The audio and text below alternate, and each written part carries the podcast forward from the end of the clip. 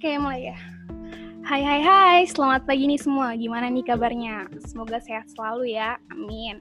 Oke, selamat bergabung di podcast Fakultas Kedokteran Unika Sugio Pranoto Semarang. Podcast kali ini kita akan ngebahas tentang gimana sih sikap kita di saat Ramadan di masa-masa pandemik ini. Tentunya saya tidak sendiri ya, saya bersama narasumber kita biar ini bisa terpercaya gitu narasumber kita yaitu Dr. Sugeng Ibrahim, M. Biomed. Beliau merupakan dosen dari Fakultas Kedokteran Unika. Beliau baru-baru ini juga mewakili Unika untuk melakukan webinar bersama Providence University dari Taiwan. Wow, ini keren banget nih gila. Terus beliau juga merupakan uh, Satgas Penanggulangan COVID-19 Unika untuk Pemprov Jateng. Pokoknya kita akan ngebahas lebih dalam lagi nih mengenai Ramadan di masa-masa pandemik ini. Bersama saya, Silviana Hotmarina sebagai host di podcast kali ini. Tetap stay tune ya.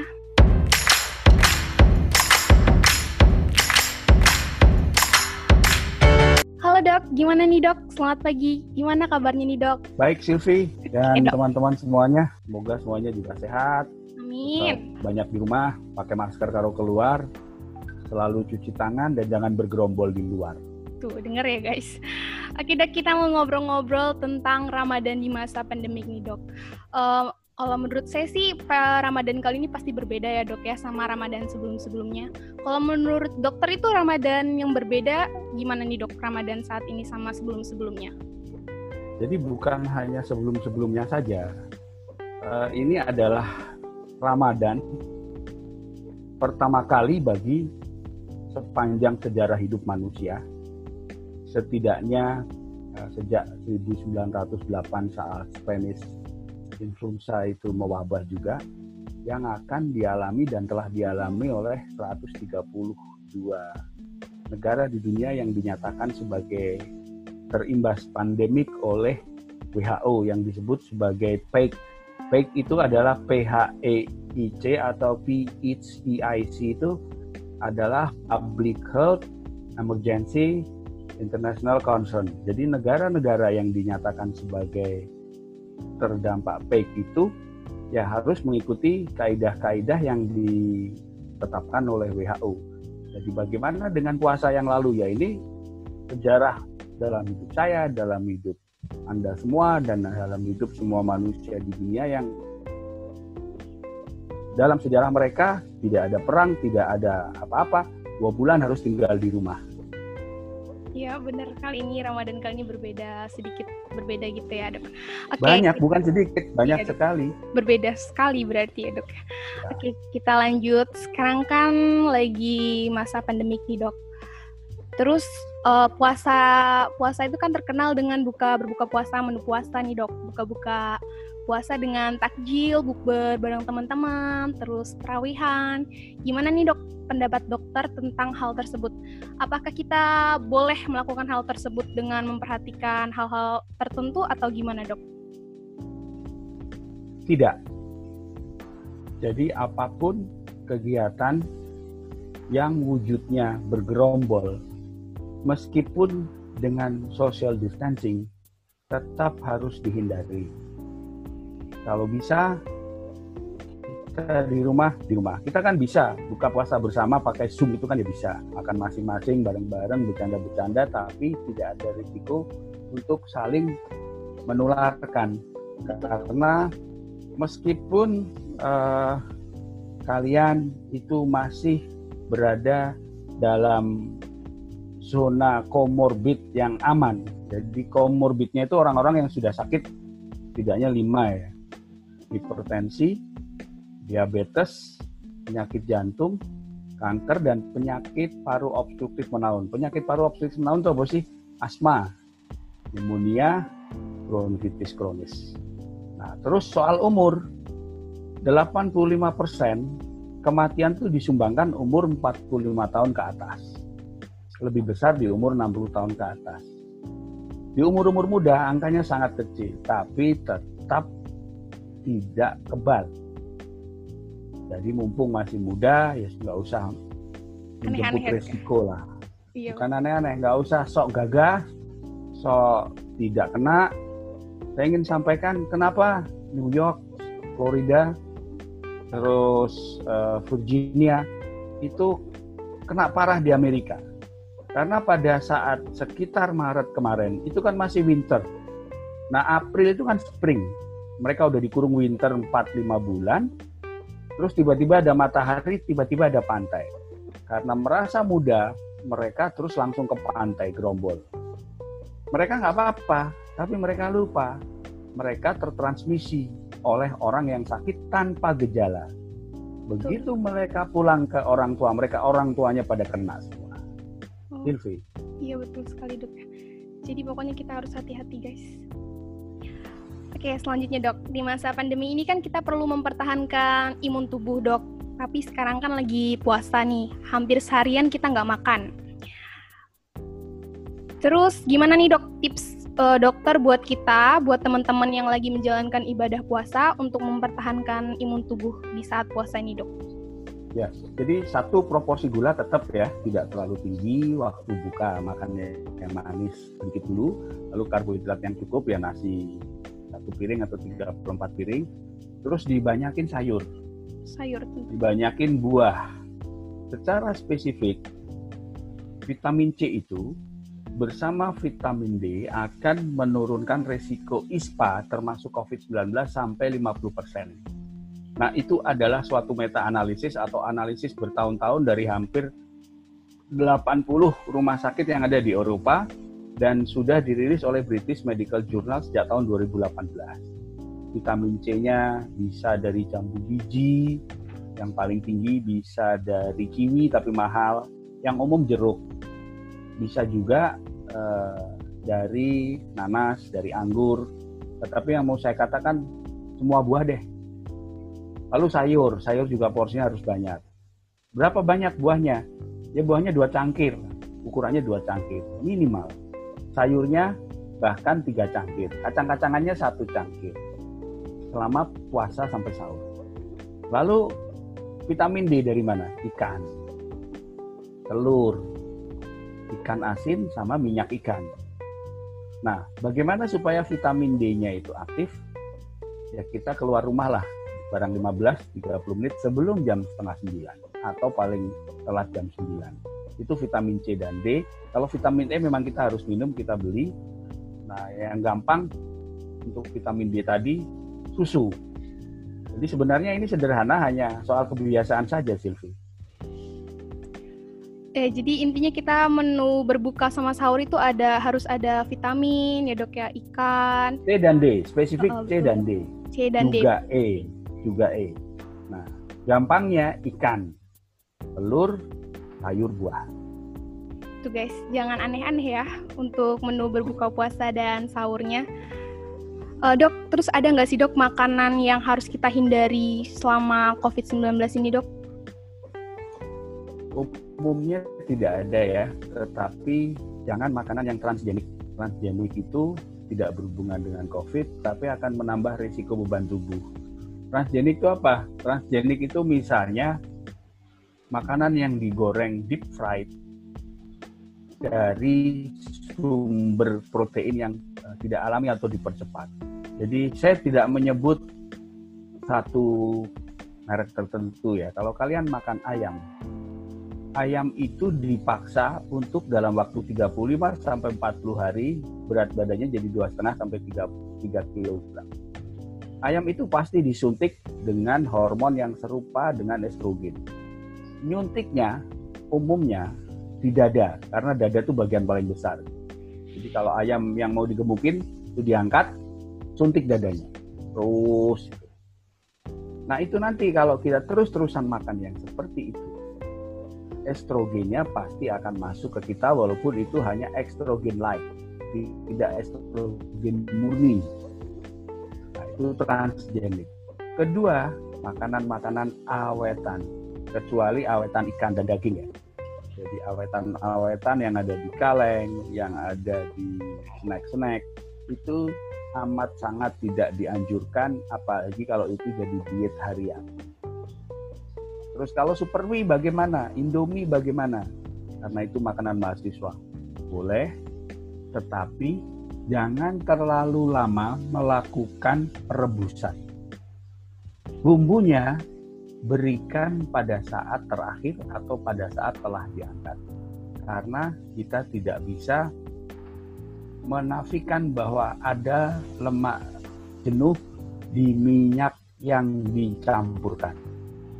Kecuali kalau minyaknya itu adalah olive oil ya. Kan nggak mungkin olive oil harganya makanannya jadi 3.000 4.000 per bungkus kan nggak mungkin. Betul dok. Jadi boleh ya, bukan nggak boleh ya. Jadi jangan terus bumbunya kalian tuang di depan nggak boleh, tuangnya terakhir bumbu.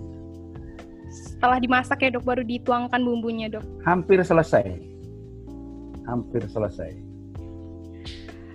Oke, baik tuh teman-teman dengar ya yang suka makan Indomie. Itu tipsnya dari dokter tuh supaya makanannya nggak nggak aneh-aneh buat minyak. Oke, lanjut. Nah, dok, di masa pandemi ini kita kan sekarang sedang uh, menjalankan physical distancing nih, dok. Terus yeah. sekarang udah mau Idul Fitri nih. Idul Fitri itu kan terkenal dengan silaturahmi, terus silaturahmi bersama keluarga, banyak keluarga, tetangga Terus gimana nih dok tips dokter untuk ngejaga silaturahmi tapi di saat physical distancing saat pandemi ini dok? Selama tanda-tanda terkendalinya transmisi virus ini belum dicapai, tandanya dari apa? Tandanya adalah dari kejadian positif harian yang dilaporkan BNPB itu masih naik turun dengan cenderung naik dan tidak turun maka tetap disarankan tidak bergerombol. Silvi mungkin sehat, Maggie sehat, Adrian sehat, Tara sehat, semua sehat. Tapi waktu pulang ke orang tua kita, apakah kalian yakin betul kalian itu tidak terinfeksi? Karena orang muda bisa terinfeksi dengan tanpa gejala. Jangan sampai kejadian di Amerika, di Spanyol, di Italia itu, begitu pulang ke rumah orang tua kalian, kalian malah menulari orang tua kalian Betul, Dok. Saya ingin sampaikan di keluarga kami itu setiap tahun ada semacam reuni gitulah ya. Reuni itu dilakukan di rumah leluhur kami di Jawa Timur. Itu yang datang bisa 100 sampai 200 orang. Tahun ini pun diputuskan oleh ketua kami ya tidak diadakan alias dibatalkan. Nah, ibu saya ada di Semarang. Saya mengunjungi beliau paling banter sebulan sekali itu pun uh, dengan precaution yang sangat ketat. Saya sendiri sudah di rapid negatif, tapi rapid itu ya hanya berlaku pada saat itu. Setelah rapid saya negatif, di jalan saya ketemu orang yang positif, kan sama juga. Jadi kalau kalian ditanya rapid itu bermanfaat nggak? Bermanfaat hanya untuk hari itu. Untuk besoknya, wallahu alam, alias hanya Tuhan yang tahu karena apa. Begitu saya kalian dirapit nih negatif, negatif untuk hari itu dan hari-hari sebelumnya. Terus kita besoknya ketemu orang kita tertular, kan kita nggak tahu dan nggak mungkin kita direpit setiap hari kan, Silvi. Nah nih dok, uh, antara rapid test dan swab itu efektifan mana dok menurut dokter? Akuratan yang mana dok? Dia jelas swab dong. Swab itu adalah golden standard internasional ditetapkan WHO untuk menetapkan seseorang terinfeksi COVID-19. Sementara rapid test itu adalah tes atas antigen atau antibodi dan atau antigen dan antibodi yang bisa mendeteksi keluarga corona saja. Corona itu ada tujuh, ada SARS, burung, ada MERS, flu onta, ada influenza-influenza yang umum yang sering kita sebut self-limited. Sementara COVID pun bisa positif. Jadi gunanya hanya pada batas, begitu orang ini dites positif, dia tanpa gejala, dia harus dikarantina selama 14 hari. Nah, kalau dia ada gejala-gejala, demam, mulai sesak, ada kesulitan pernapasan, badannya lemas, dia harus dirawat di rumah sakit lalu di swab. Nah, swab itu pun jadi untuk kita saja ya. Iya, Dok. Swab itu hanya efektif untuk 80% kasus. Jadi ada juga yang negatif, jangan dianggap itu betul-betul bebas. Kalau positif sudah pasti kena. Karena yang negatif ada dua hal. Mungkin mengambilnya tidak cukup akurat. Jadi mengambilnya dia di orofaring, ya di dekat trachea itu, buka Hmm. mulutnya, nggak usah lidahnya nggak usah melet, di dalam aja buka mulut lebar A gitu, diusap, lalu dimasukin juga ke konka di hidung bagian belakang. Nah, kalau mengambilnya itu tidak pada tempat yang ada virusnya, kan bisa negatif. Iya betul. Jadi jawabannya jelas ya, rapid hanya berguna untuk semua corona dan hari itu saja. Besok nggak tahu. Oke dok, kita lanjut nih tentang ziarah nih dok. Eh, Ramadan juga kan sama Idul Fitri nih eh, terkenal juga nih dok tentang ziarah ke makam keluarga, ke makam kerabat-kerabat ter, kerabat-kerabat terdekat. Eh, menurut dokter nih dok, kita boleh nggak sih dok untuk berziarah walaupun hanya satu dua orang untuk pergi ziarah itu boleh nggak dok menurut dokter? Boleh, kalau hanya satu dua orang boleh. Satu dua orang kan masih gampang diatur. Bahkan empat orang pun kan gampang. Empat orang dengan jarak taruh kata 2 meter, satu 2 meter sebelah sana makam, satu sebelah sini. Nah problemnya makam itu kan kalau di makam-makam umum kan berjajar deket-deketan. Betul dok. Nah kalau satu makam yang datang empat, di situ ada seribu makam, kan ada empat ribu orang. Jadi problemnya adalah menggerombolnya itu. Tidak ada soal dengan sholat di masjidnya, tidak ada soal dengan ziarahnya, tidak ada soal dengan halal bihalal. Yang bersoal itu adalah transmisi pada orang yang menggerombol.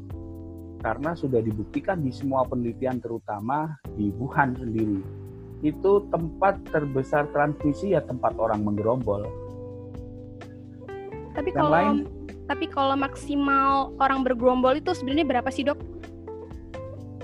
Jadi poinnya adalah jaraknya itu harus tetap terjaga. Tetap terjaga. Menurut saya paling bagus itu eh, minimal minimal satu setengah atau Iya, dua meter lebih bagus. Satu meter masih berisiko. Nah, yang jadi soal adalah bukan berapa kuantitas. Bisa saja 100 orang itu tidak cukup disebut menggerombol kalau kita ada di hall yang daya tampungnya 1000. Nah, sementara di kelas kalian bisa bayangkan kalau kelas kita itu kita isi 44 orang dengan satu dosen dan satu peninjau, itu kalian duduknya sudah berdempetan.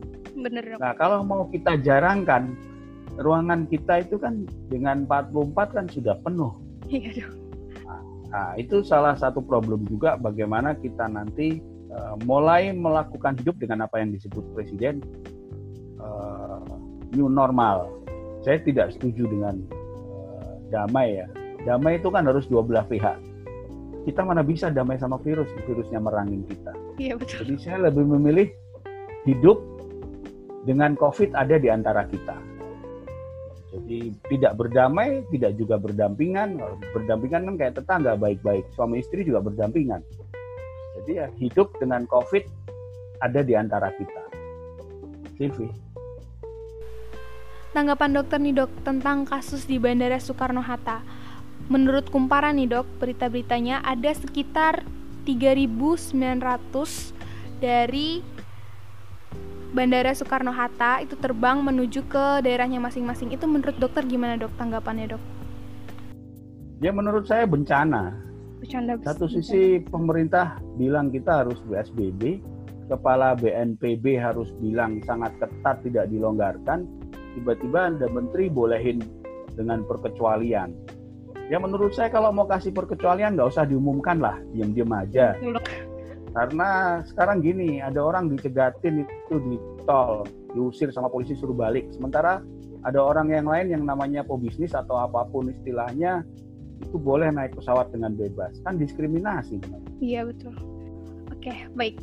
Sekarang kita udah mulai di ujung perbincangan nih. Oke, dok, eh, oke dok. Mungkin ada pesan-pesan nih dok buat para pendengar podcast kali ini, buat teman-teman yang menjalankan ibadah puasa serta teman-teman yang berada di daerah perantauan untuk mewaspadai COVID ini dok. Ya, jadi keseluruhan dari itu semua adalah sabar. Sabar. Rumusnya tetap sama. banyak tinggal di rumah, selalu pakai masker bila keluar, jangan bergerombol, segera cuci tangan setelah kita sampai rumah lagi. Yeah. Jaga kesehatan, jaga juga silaturahim dengan media sosial, dan kurangi aktivitas-aktivitas yang menimbulkan potensi transmisi lokal. Silvi. Iya dok. Oke, sekarang kita udah di akhir nih, udah kita udah berbincang-bincang sama Dokter Sugeng mengenai sikap kita selama Ramadan di masa pandemi COVID-19 ini. Terima kasih ya dok ya udah mau jadi narasumber kita. Oke, jadi intinya Ramadan kali ini benar-benar berbeda nih sama Ramadan sebelumnya. Intinya kita harus tetap terapin anjuran pemerintah. Terapin physical distancing, terapin untuk menahan diri untuk di rumah, kita harus pokoknya jangan cereneh-cereneh lah. Pakai masker kalau keluar jangan keluar jangan keluar kalau nggak mendesak. Terus kalau beli-beli barang ya menurut aku sebaiknya online aja. Terus pokoknya kita tetap bersosial tapi lewat sosial media seperti Instagram, Google Meet, silaturahmi juga bisa lewat situ loh. Nggak perlu kita harus ketemu sama orangnya, nggak perlu kita harus rame-rame buat acara untuk menekan penyebaran pandemi COVID-19 ini, untuk membantu pemerintah, untuk membantu para tenaga medis, untuk membantu negara kita, bahkan untuk membantu sesama kita. Pokoknya intinya tetap di rumah, tetap jaga kesehatan dan juga tetap jaga kebersihan kalian. Saya Silviana Hotmarina, pamit undur diri dan sampai jumpa di podcast selanjutnya. Dadah.